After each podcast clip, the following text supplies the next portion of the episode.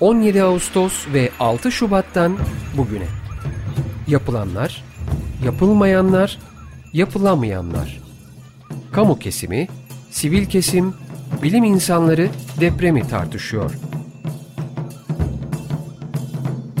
Hayatta kalmak için altın saatler. Hazırlayan ve sunanlar Nuray Aydınoğlu, Elvan Cantekin, Argun Yum, Muzaffer Tunça, Aziz Şasa, Nazan Cömert ve Gürhan Ertür.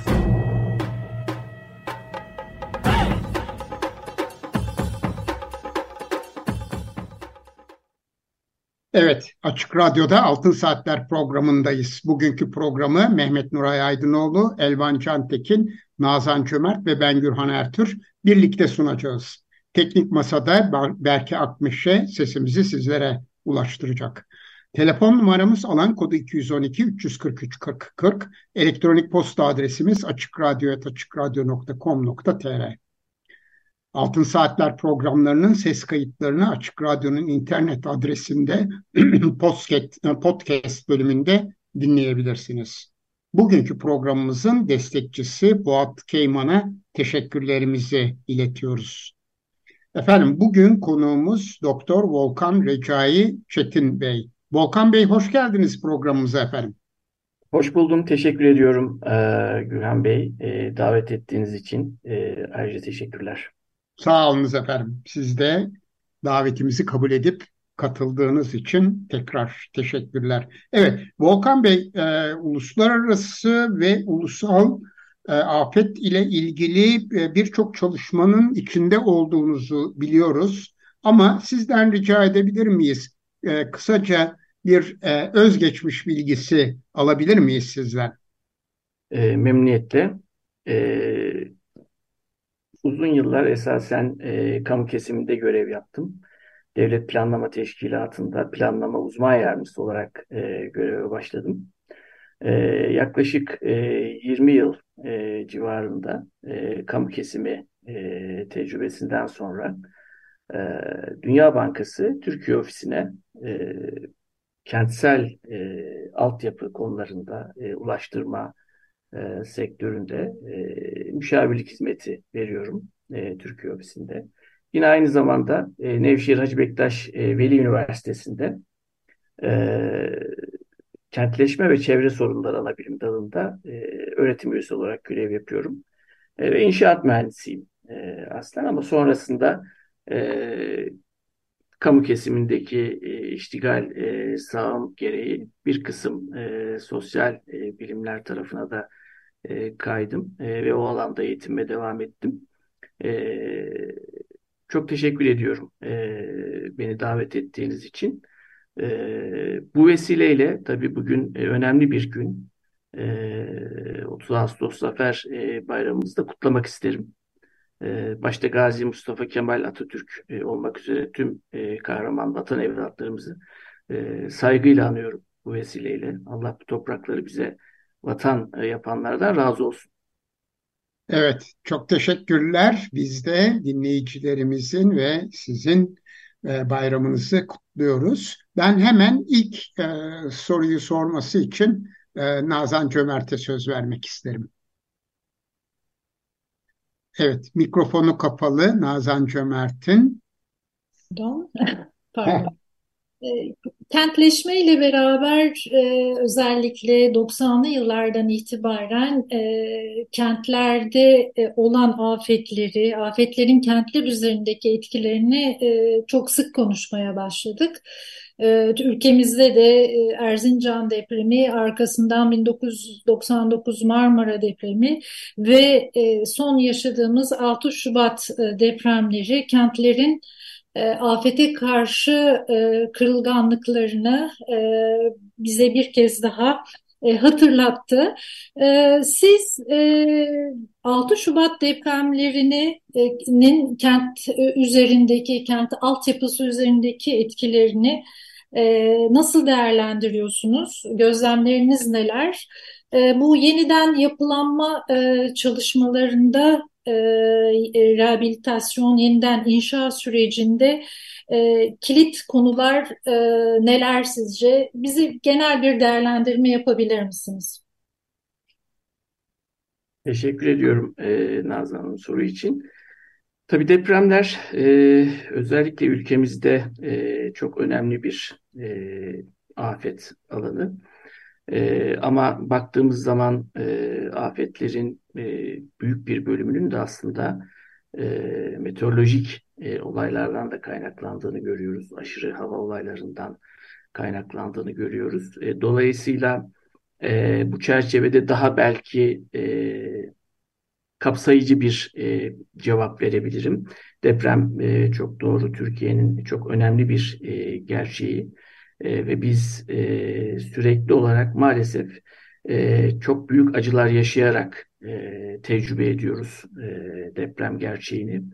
E, halbuki e, çok değerli hocalarım da var e, yayında. Ben de bir inşaat mühendisi olarak aslında bunun e, etkilerinden, depremin etkilerinden e, korunmanın yollarını e, bizler biliyoruz. Bizlere öğretiliyor. Bunlar yeni değil.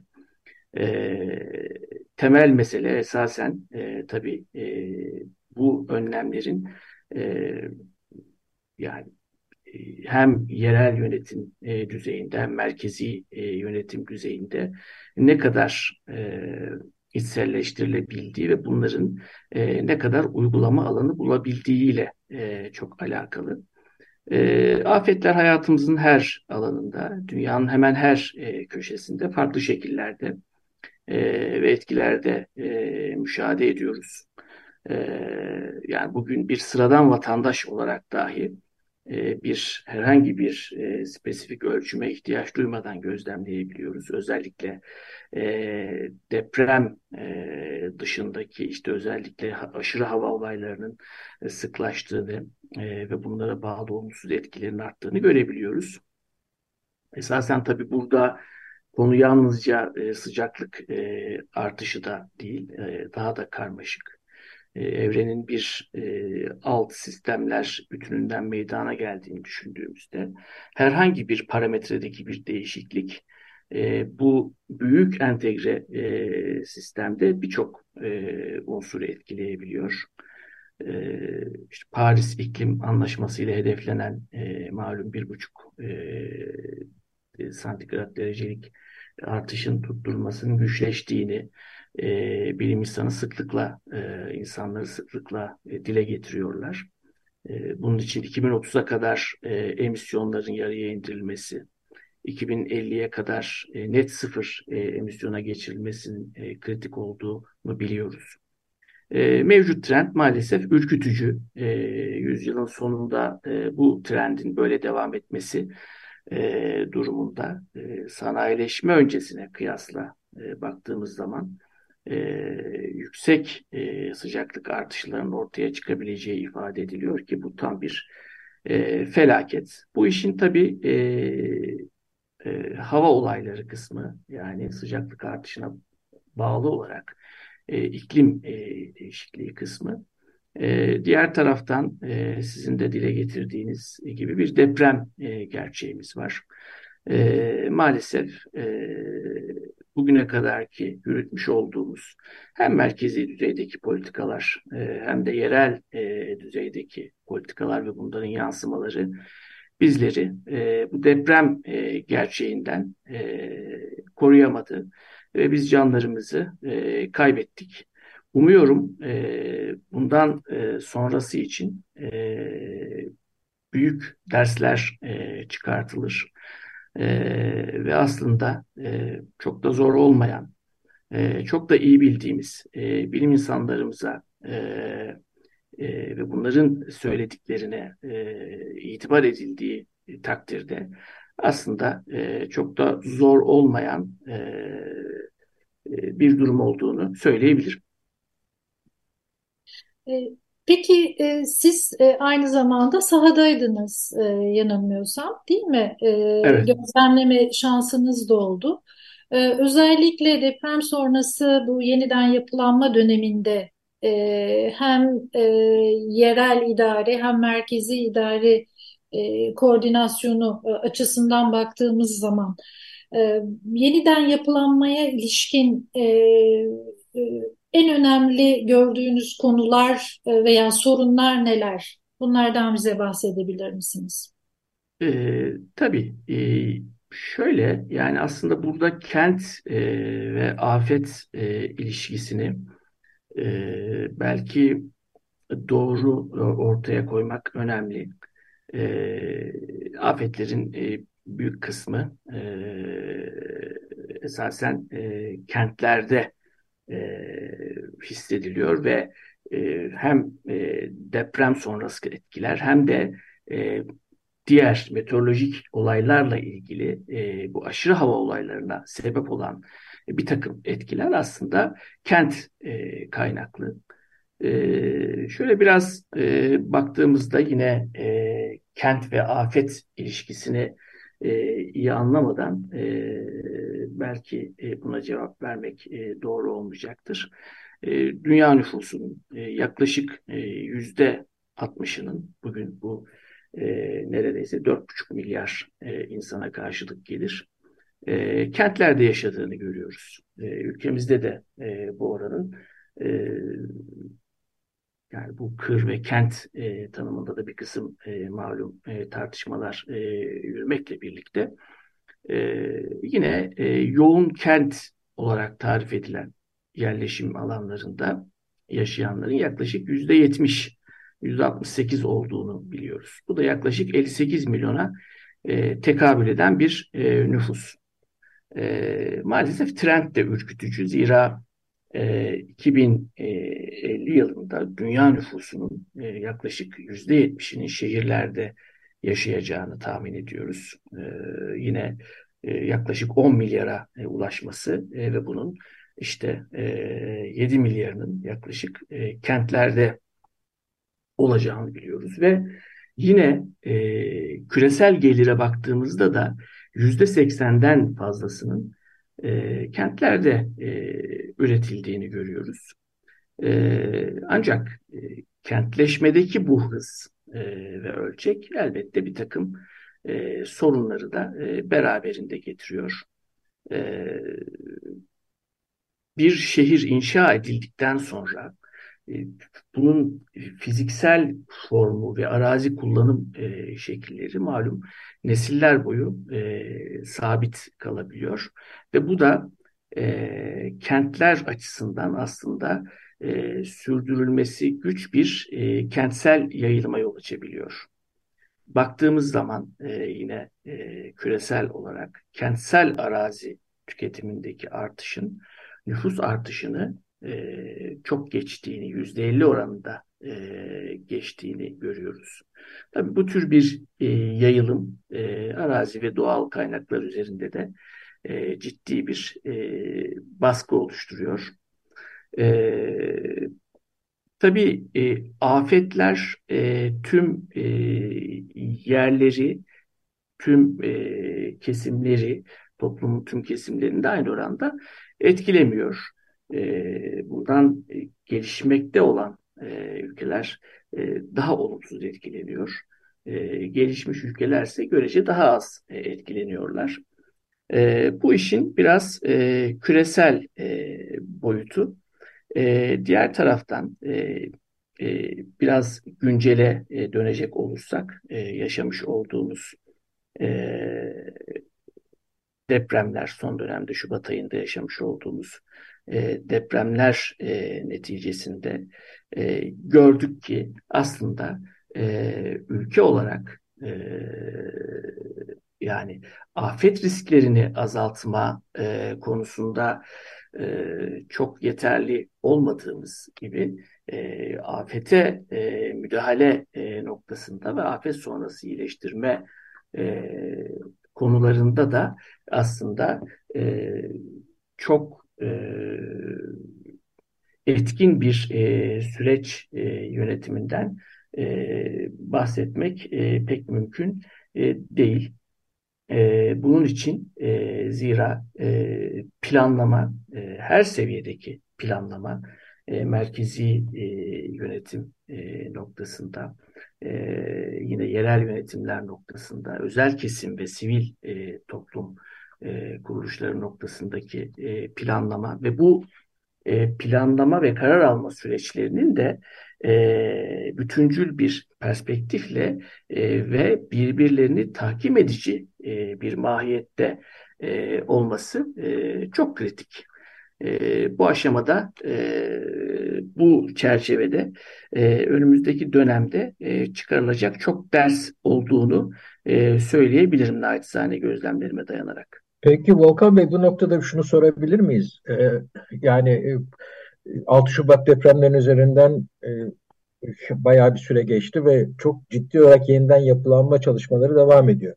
Sizin söylediğiniz bu genel prensipler bu çalışmalar içerisinde sahadaki izlenimlerinize dayanarak e, uygulanıyor mu? Yoksa biraz e, hızlı bir şekilde bir e, yapılaşma süreci mi yaşanıyor? Yani o planlama e, aşaması e, yeteri kadar e, değerlendirilmiş, ele alınmış durumda mı? Bu konuda bir e, yorum yapabilir misiniz? Tabii. Yani şöyle Mustafa Bey elbette bu bir e, e, acil e, durum. E, dolayısıyla aslında planlama e, aşamalarının e, planlama konusunun tabii bu afetler e, yaşanmadan önce e, ele alınıyor olması e, daha önemli, daha kritik. Bu planların uygulama şansını ve etkinliğini artıracak bir durum şüphesiz. Tabii e, afetler yaşandıktan sonra e, bir yandan e, önlem almaya çalışmak, bir yandan e, oradaki yeni yaşam alanlarını oluşturmaya çalışmak ve bir yandan da planlama yapmaya çalışmak elbette çok kolay bir iş değil. E, dolayısıyla bunların tabii e, yaşanmadan önce e, dikkate alınması e, çok daha önemli. E, malum e, işte sürdürülebilir kalkınma hedeflerini e, konuşuyoruz. Değil mi? Çok e, işte e, yani e, e, her bir e, kesimin, e, yerel yönetimlerin, işte e, e, merkezi yönetimlerin e, politika ajandasında önemli yer tutan e, konulardan bir tanesi. E, ve bunların baktığımız zaman sürdürülebilir kalkınma e, amaçlarının da yaklaşık yüzde 65'inin e, yerel e, düzeyde politika geliştirme, karar alma e, ve uygulamayı e, gerektirdiğini görüyoruz. Dolayısıyla kentsel e, politikalarla çok doğrudan e, ilişkili.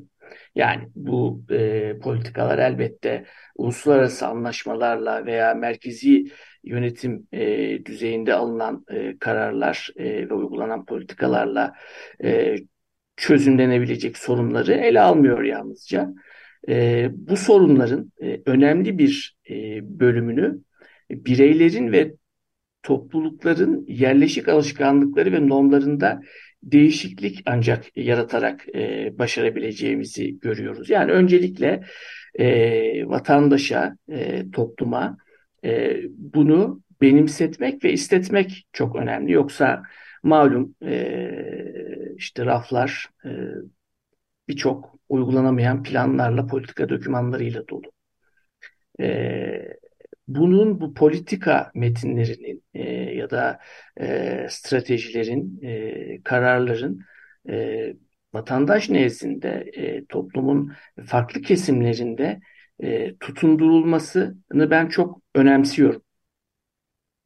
E, bunu e, şuna benzetiyorum aslında. E, çokça kendi iştigal sahamda da yaşadığım e, bir durum. E, buradan örnekle e, açıklamak isterim size.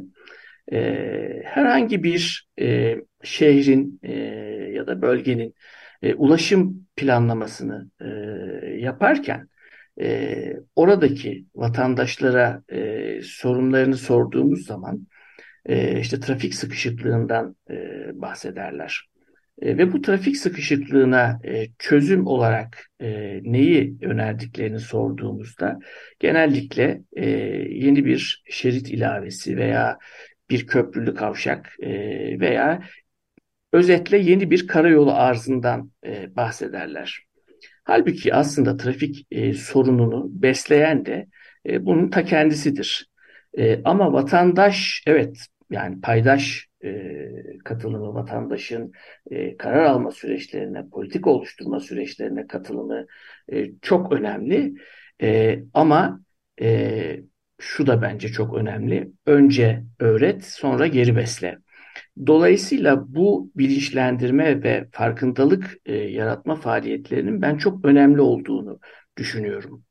E, bu noktada da bu noktada da e, yine e, vatandaşlarımıza deprem e, bilincinin e, ve depreme e, dayanıklı mekan e, kullanımının e, ve bina e, imalatlarının, yapı imalatlarının e, önemi e, ve bu bilinç e, topluma benimsetilme, benimsetilmeli ve içselleştirilmeli diye düşünüyorum. Dolayısıyla e, vatandaş ve toplum e, bir bütün olarak bunu istemediği takdirde e, günün sonunda e, oluşturacağımız her e, plan, politika işte sadece e, akademinin veya entelektüel bir kısım kesimlerin kullanabileceği e, manzumelerden ibaret olmuş oluyor. Nitekim biz e, bunu e, işte imar raflarında vesairede görüyoruz. E, dolayısıyla burada bir e, bir açmaz, bir fasit daire olduğunu düşünüyorum. Ve bu fasit dairenin de kırılması noktasında e, vatandaş ve toplumun e, tüm kesimlerinin e, bilinçlendirilmesinin öncelikle bu doğru politikaların onlara tutundurulmasının ve onların e, onlar tarafından talep edilmesinin e, çok kritik olduğunu e, düşünüyorum. Peki yani sosyolojik olarak de, hani bu nasıl yapılabilir onu tam olarak bilemiyorum ama Türkiye'deki şu andaki uygulamalar açısından baktığımızda esasında e, vatandaş katılımının zaten pek dikkate alındığında e, e, görmüyoruz. E, yani geçen haftaki konuğumuz örneğin çok e, Antakya'da bir konuğumuz vardı programımızda ve o çok net olarak şunu ifade etti. Ya biz yeni konut şu anda istemiyoruz. Sadece bize kalabileceğimiz e, ve e, ilerisini planlayıp ona göre e, hareket edebileceğimiz bize süreyi tanıyabilecek olan bir yaşam e, şeyiniz e, ortamının sağlanmasını istiyoruz sadece.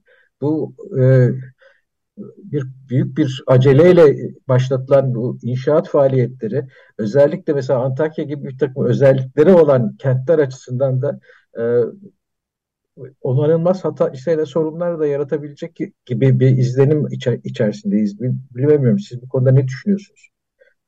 Ee, şöyle Mustafa Bey, tabii e, oradaki imalatları ve faaliyetleri e, sürekli olarak izleme e, şansım yok açıkçası. E, ama e, işin e, evet pratisyen olarak e, hem e, finansman tarafında hem de e, mesleğim itibarıyla e, uygulama tarafındaki bir e, profesyonel olarak elbette e, zaman zaman e, işte okuma e, veya e, diğer e, gözlemlerimle, diğer e, araçlar marifetiyle yaptığım gözlemlerle takip etmeye çalışıyorum. Ama e, açıkçası e, birebir e, yapılan e, imalatların e, nevi e, ve kapsamı noktasında e, yorum yapabilecek en azından e, bir e, bilgiye sahip değilim. Ama e, ben e, yine işin e, planlama e, kısmına e, vurgu yapmak istiyorum. E, bu gerçekten e, çok önemli. Yani e, işte hep o sürdürülebilir kalkınma amaçlarının yine e, moda e, tabiriyle yerelleştirilmesinden e, bahsediyoruz. E, yani ifade ettiğim gibi bu küresel düzeyde alınmış kararların e, yerel e, düzeyde uygulanmasından ibaret değil bu hadise. Buradaki bireylerin e, ve toplumların bunu bir gerçeği haline getirmek bence e, çok önemli. E, her türlü karar ve faaliyette e, bu ilkelerin e, dikkate alınması ve mikro ölçekten e, makro ölçeğe e, bir arada birbirini besleyen, e, bütünleştiren pratiklerin e, uygulamaya geçmesi bence çok önemli. bunun için bireylerin ve toplulukların yerleşik alışkanlıklarında ve normlarında ciddi değişiklikler gerekiyor. Yani afetlere dirençli kentler diyoruz. bu afetlere dirençli kentlerin oluşturulmasında planlama her ölçekte çok önemli. merkezi yönetim, yerel yönetimler, özel kesim ve sivil toplum kuruluşları bütüncül bir yaklaşımla bir araya gelmeli ve her düzeydeki e, kararın aynı istikamette birbirini e, tahkim edici e, olması gerektiğine e, inanıyorum. E, tabii bu süreçte kentlerin e, planlama e, sistemlerini, kaynaklarını, e, yerel kapasitelerini güçlendirerek e, kent varlıklarını ve kentsel e, çevrelerini daha iyi tasarlamalarına, planlamalarına e, ve yönetmelerine e, olanak e, sağlanmalıdır e, diye düşünüyorum. E, ben devam edebilir miyim? e, planlamadan e, bahsetmişken e, biraz da Elvan'ın sorusunu tamamlayıcı nitelikte e, bir soru sormak istiyorum. E, tabii ki bu yeniden inşa döneminde bir taraftan planlama yapıp o planı uygulamaya e, koymanın bir takım zorlukları var. Çok ciddi zorlukları var. Afet bölgesi için söylüyorum. Bir taraftan da e, ortada da çok gerçekleşmiş e, belki e, doğru mu bilemiyorum ama gerçekleşmiş bir senaryo da var. Yani bu senaryonun içinde çok ciddi bir de tecrübe ve bilgi var. Ee, sizin çalışma alanınızla alakalı olarak mesela İstanbul e, depremi diyelim veya herhangi Türkiye'nin herhangi bir e, riskli bölgesi için planlama yapılırken örneğin e, ulaştırma ile ilgili buradaki verilerin kullanıldığına dair bir izleniminiz var mı? Ya da böyle bir hareketlilik den haberiniz var mı? Biraz bunu da merak ediyoruz. Yani ortada hakikaten incelenmesi, analiz edilmesi ve planlamaya dahil edilmesi gereken bir bilgi birikimi var. Bir taraftan da yapılanı, olanı düzeltmek. Bu konuda bir proje bazında veya yapılmış bir çalışma olarak elinizde bir uygulama örneği var mı? Ya da böyle bir niyet var mı? Bunu gördünüz mü? Evet, e, böyle bir niyetin e, olduğunu görüyorum e, açıkçası. E, ve bu tabii ki çok e, bizim e, bu anlamda ümit var e, olmamıza da e, sebep oluyor. Ancak e, yine e, ben aynı yere e, vurgu yapmak istiyorum. E, her zaman e, dünyanın belki e, her tarafında e, yönetimler e, bir kısım e, kararları alırken e, siyasi perspektiften bir kısım politik mülahazalarla e, bu maalesef parlamenter aslında e, demokrasilerin de bir anlamda e, açmazlarından bir tanesi. Farklı sahiplerle hareket edebilirler. E, ama burada e, politikayı ve politikacıyı yine e, çizgiye getirecek olan e, toplumun ne kadar e, iştahlı olduğu, ne kadar bilinçli olduğu ve ne kadar e, istediğiyle e, alakalı bir durum. E, yine e, işte e, biraz önce verdiğim e, örnek aslında e, işte imar aflarından bahsettik. Bu imar aflarının e, ülkemiz gibi e, çok ciddi bir e, deprem e, riski içerisinde olan bir e, coğrafyada e, ne kadar e, büyük sorunlara e, yol açabileceğini e, hepimiz e, biliyoruz. Ama diğer taraftan da çünkü bu e, imar affına konu olan e, yapıların e, yani e, neredeyse tamamının herhangi bir mühendislik hizmeti e, almadığını e, biliyoruz. Ve bir taraftan da bunları e, günün sonunda e, talep eden e, bir e, toplum e, gerçeği söz konusu. Dolayısıyla e, burada e, şunu e, veri olarak kabul ederek yani e, politikanın e, her zaman farklı ajandasının olduğunu, farklı e, gündeminin olabileceğini, politik sahiplerin her zaman olabileceğini ama e, burada asıl olanın e, politikayı, e, politik ajandayı e, memleketin asıl sorunlarına e, odaklanmaya itecek, yönlendirecek olan e, bilinç düzeyinin oluşturulması. E, ben bunu çok e, önemsiyorum. Yoksa e, bizim e, yani teknik e, kodlarımızda, mevzuatımızda vesaire e, çok büyük e, e, eksiklikler olduğunu düşünmüyorum ben. E, ama e, buradaki bazı e, temel e, aksaklıkları e, ortadan e, kaldıracak o toplumsal dinamiği e, hayata geçirmenin ben daha e, kritik olduğunu e, düşünüyorum. Evet Volkan Bey çok teşekkürler. Kısa bir ara verelim. Ee, bir müzik parçası dinleyeceğiz. Bugün Berke Akmeşe bize Beatles'tan In My Life parçasını seçti. Şimdi onu dinliyoruz. Açık Radyo'dayız. Altın Saatler programının ikinci bölümünde bugün konuğumuz Doktor Volkan Recai Çetin Bey. Ee, Volkan Bey ben bir soru sormak isterim. Ee, şimdi e, birçok uluslararası kuruluşla da aktif çalışmalar yürüttünüz ve yürütüyorsunuz. İşte Dünya Bankası, UNDP e, gibi.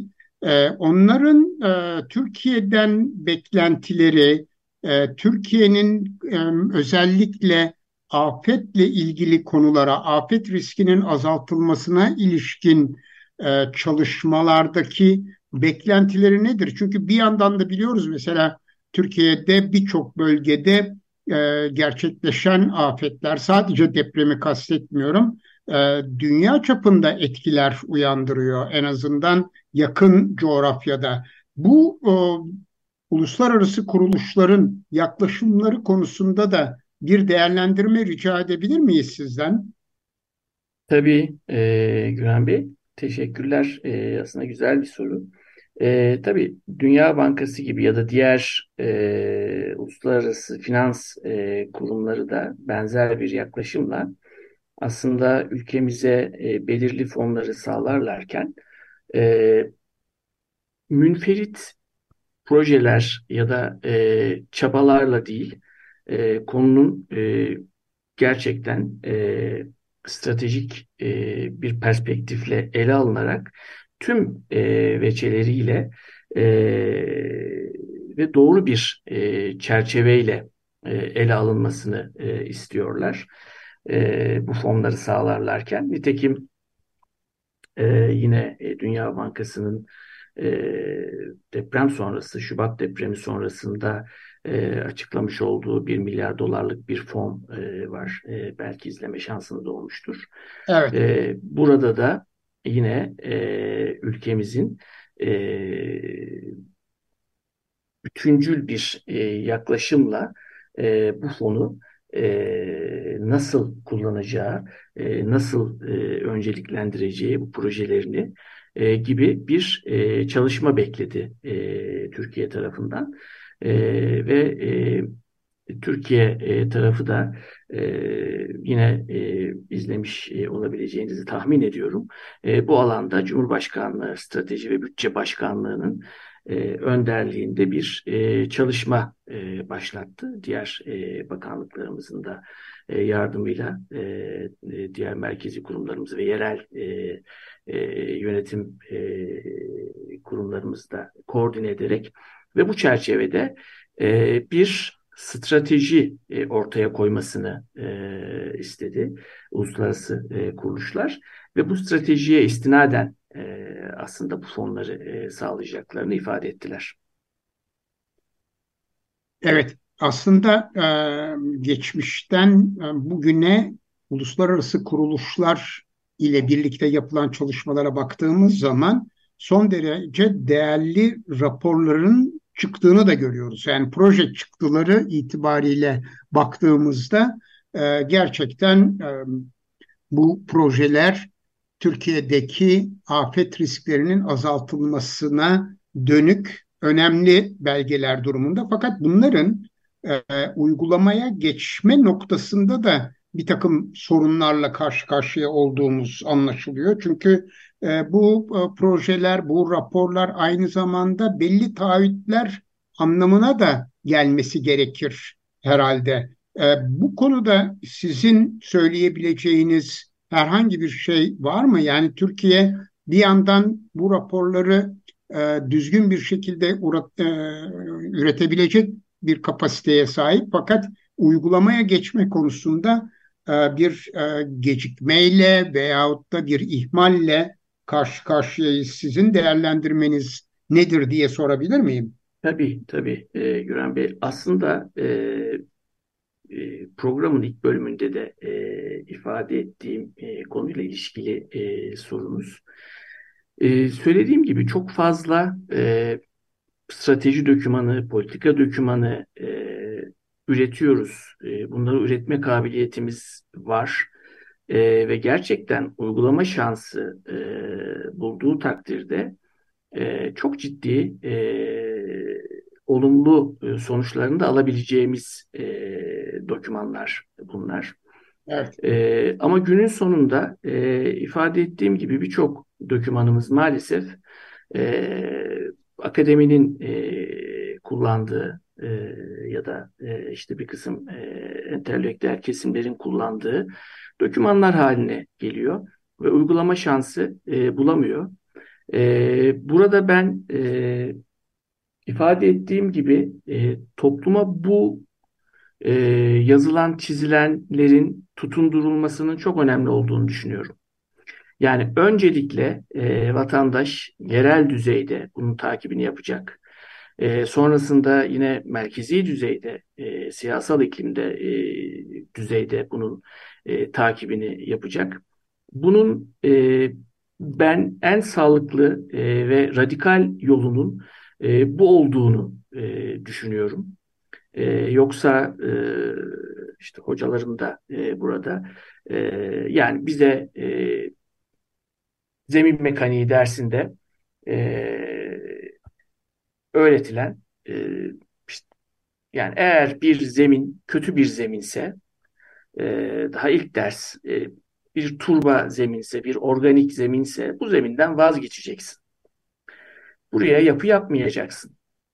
E, ha çok eğer stratejik açıdan e, bu zemin ya da o bölge benim için vazgeçilmez bir bölge ise, çok kritik bir bölge ise o zaman o zeminin e, doğru yöntemlerle, e, doğru bir planlama ve malzeme e, seçimiyle ıslahına başvuracaksın. Ama geldiğimiz noktada görüyoruz ki e, bunun bir e, bir e, ayrıksı bir durum olması gerekirken bunun e, tamamen e, ortodoks bir yaklaşıma dönüştüğünü ve tüm e, kararların neredeyse e, yerleşim kararlarının vesaire e, bir takım e, rantsal e, güdülerle e, alındığını e, görüyoruz. Yani bunun çok ekstrem bir durum olarak e, belki bu bölgelerde e, yapılaşmaya izin e, verilebilecekken ya da müstakil bir yapıya izin verilebilecekken stratejik önemi haiz bilemiyorum. E, her zaman bence bir e, mekansal olarak alternatifi olmalıdır bu tür yerlerin. Ama maalesef maalesef ülkemizde e, malum e, tüm piyasalar, tüm piyasalar, finansal piyasalar, e, işte reel piyasalar aslında almış oldukları sinyallere göre hareket ederler. E, e, günün sonunda maalesef e, böyle bir sinyal yani e, sürekli olarak e, toprak rantına ilişkin bir e, mesaj e, alındığı için de e, bu tür tabi baskılar e, giderek artıyor ve günün sonunda o birbirini besleyen e, yapıya dönüyor. E, bu e, sinyallerin, bu mesajların e, piyasalara verilmemesi e, daha doğru e, olacaktır diye düşünüyorum. Evet, siz aynı zamanda 2017-2020 e, döneminde Cumhurbaşkanlığı Strateji ve Bütçe Başkanlığı Ulaştırma ve Lojistik Dairesi Başkanlığı görevini de yürüttünüz. Bu Doğru. anlamda ulaştırma ve lojistik sektörlerinin e, özellikle e, afet risklerinin azaltılması veya herhangi bir afet durumunda e, müdahale çalışmalarını kolaylaştırıcı yönleri konusunda e, biraz bilgi vermeniz mümkün mü acaba? Bir de tabii ki Türkiye'deki özellikle İstanbul'u kastederek söylüyorum. Oldukça ciddi bir lojistik altyapısı var, lojistik şirketleri var. Ee, önemli, e, ekonomik olarak da önemli bir e, sektör. E, bu sektörün konuya yaklaşımı konusunda da e, bilgileriniz var ise paylaşırsanız çok seviniriz. Bir de e, Gürhan bu soruya bağlantılı olarak bu İstanbul için e, son e, açıklanan tahliye planı hakkında e, bir değerlendirme yapabilir mi acaba konumuz? Evet. Ee, evet yani e, şöyle e, tabii ulaştırma e, sektörü lojistik e, altyapı e, Türkiye için çok kritik. Özellikle son yıllarda ulaştırma sektörüne çok önemli yatırımlar yapıldı. Ama bunlar elbette e, memleketimizin, ülkemizin e, coğrafi özelliklerinden de e, deprem e, bölgesi e, riski e, yüksek olan bir bölge olması sebebiyle e, bu tür etkilere de son derece e, açık bir e, pozisyonda. Ama şunu biliyorum, e, şunu biliyorum.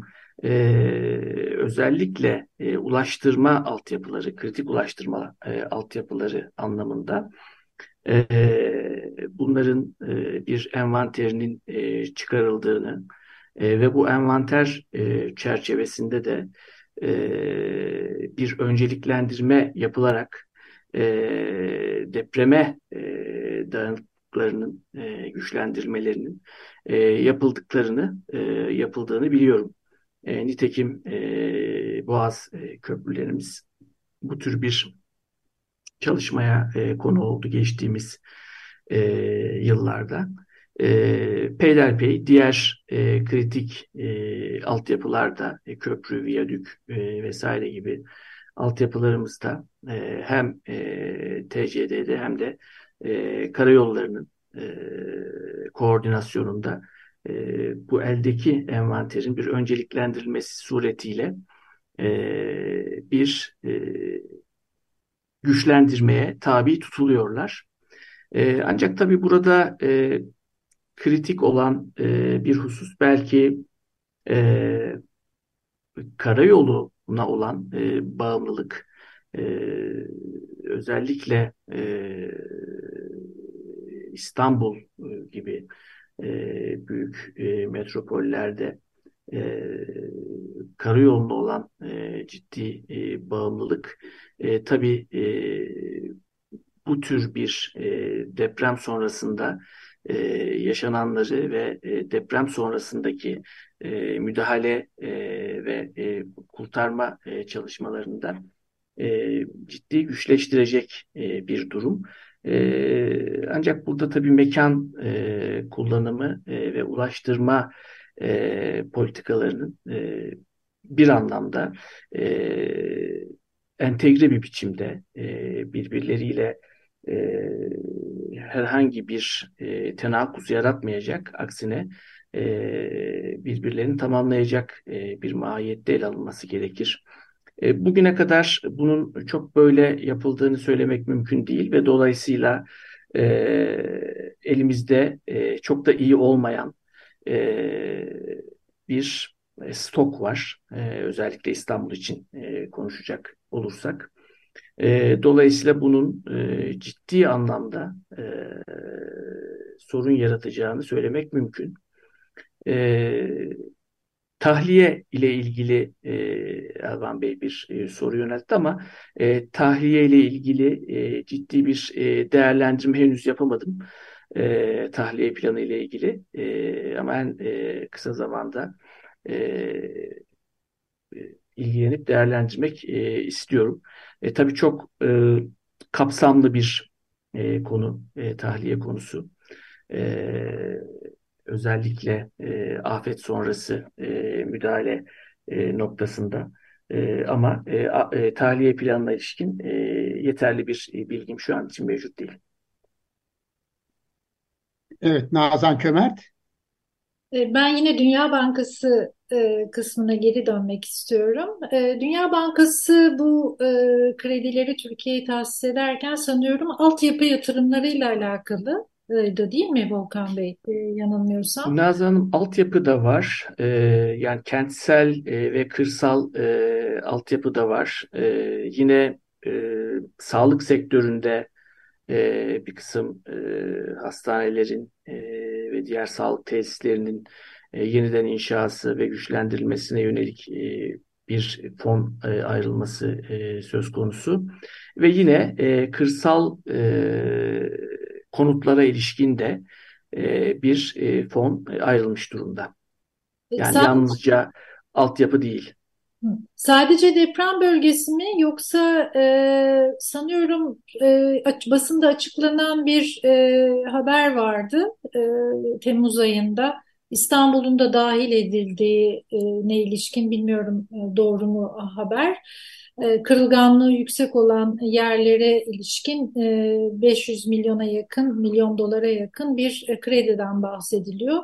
E, bu farklı bir şey mi? E, aynı e, paketten mi bahsediyoruz? Yani hem deprem bölgesi hem depreme maruz e, olan riskli İstanbul. Şöyle, e, tabii e, Dünya Bankası'nın farklı e, birimleri, e, farklı sektörleri ya da farklı e, coğrafi alanları e, finanse edebiliyor.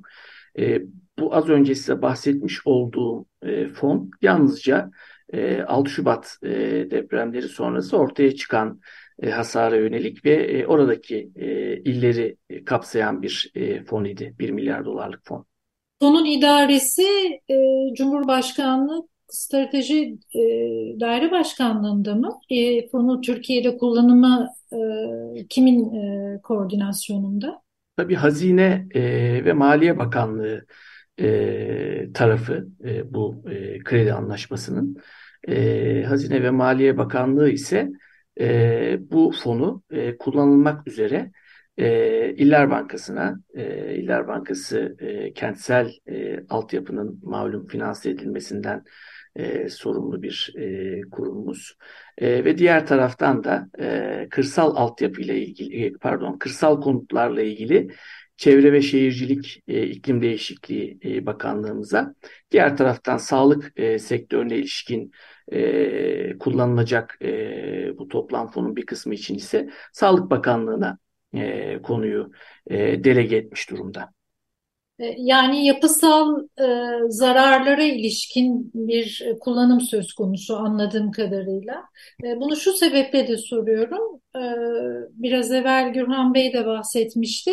1999 depreminde Dünya Bankası yine Türkiye'ye kredi verirken e, bir takım e, e, şeyleri de prensipleri de e, önceliklendirmişti işte yönetişim, doğru koordinasyon gibi. E, bu tip parametreler de fon kullanımında ön plana çıkıyor mu? Bir de yapısal olmayan risklerle ilgili veya projelerin sürdürülebilirliğiyle alakalı bir ne diyeyim yaklaşımı var mı Dünya Bankası'nın? Tabii tabii benzer e, bir yaklaşım e, yine e, söz konusu. E, burada e, e, ülkemizin Türkiye tarafının e, öncelikle e, bir e, strateji belirlemesi ve bu strateji çerçevesinde bu fona e, talip olması bekleniyor.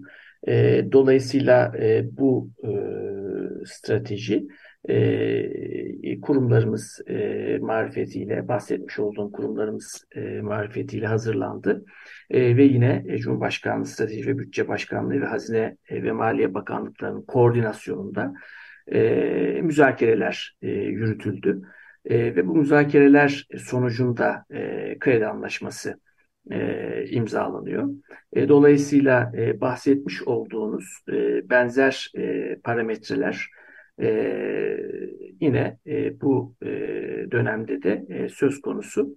E, aynı zamanda tabii e, e doğrudan fiziki altyapının e, iyileştirilmesi ve yeniden e, inşasına e, yönelik olmayan ama e, işte ifade ettiğimiz e, orta uzun vadeli belki bir perspektifle ele alınması gereken ama çok daha kritik olan e, yani e, mutlak çözüm için belki çok daha kritik olan e, hem merkezi yönetimimizin hem de yerel e, yönetimlerimizin bu anlamdaki e, politika geliştirme ve uygulama kabiliyetlerinin e, artırılması noktasında da yine e, bu e, fonun, finansmanın e, bir kısım e, boyutları var. Buralarda da e, bu saymış olduğum e, kurumlarımızın kapasitelerinin geliştirilmesi ve iyileştirilmesi hedefleniyor.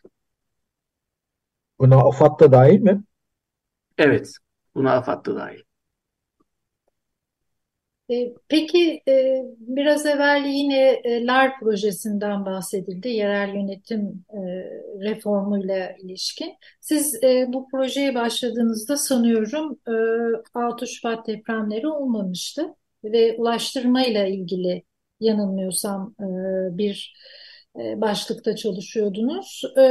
Deprem riski veya afet riski bu projede önünüze geldi mi veya yerel yönetimlerin bu konuda e, bir e, e, yapılanmaları veya e, bir e, çabaları ve istekleri oldu mu bu proje kapsamında? Evet, e, yerel yönetimler reformu e, projesi e, üçüncü aşamasında görev aldım. E, o projenin e, ikinci bileşiğinin kilit uzmanı olarak görev e, yapmıştım. E, o çerçevede e, aslında projenin tabii e, bileşenleri e, farklıydı.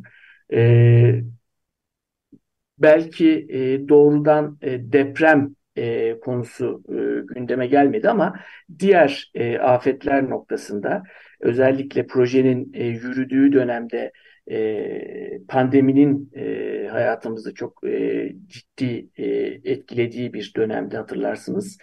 Dolayısıyla e, depremden ziyade diğer e, afet türlerinin e, özellikle gündeme e, geldiğini ifade edebilirim. E, ve bunlar da e, o dönem e, oluşturmuş olduğumuz e, dokümanlara ve uygulama araçlarına e, yansıtıldı. E, umuyorum e, önümüzdeki dönemde e, layıkıyla kullanılıp e, bu tür etkilerin e, hafifletilmesine e, bir miktar da olsa fayda sağlar. Volkan Bey size çok teşekkür ederiz. Zamanımızı doldurduk. Belki ben teşekkür ediyorum. Birkaç sorumuz kalmış olabilir ama onu da artık başka bir programda ele alırız. Çok çok teşekkürler efendim. Ben çok teşekkür ediyorum davet ettiğiniz için. Sağ olun. Evet. Yayınlar, açık, kolaylıklar. Sağ olun. Açık Radyo'da Altın Saatler programında bu hafta konuğumuz Doktor Volkan Recai Çetin Bey idi. Kendisiyle afetler ve şehirlerin yeniden inşa süreci üzerine konuştuk, bilgiler aldık. Gelecek hafta yeni bir Altın Saatler programında görüşmek dileğiyle. Hoşça kalın. Hoşça.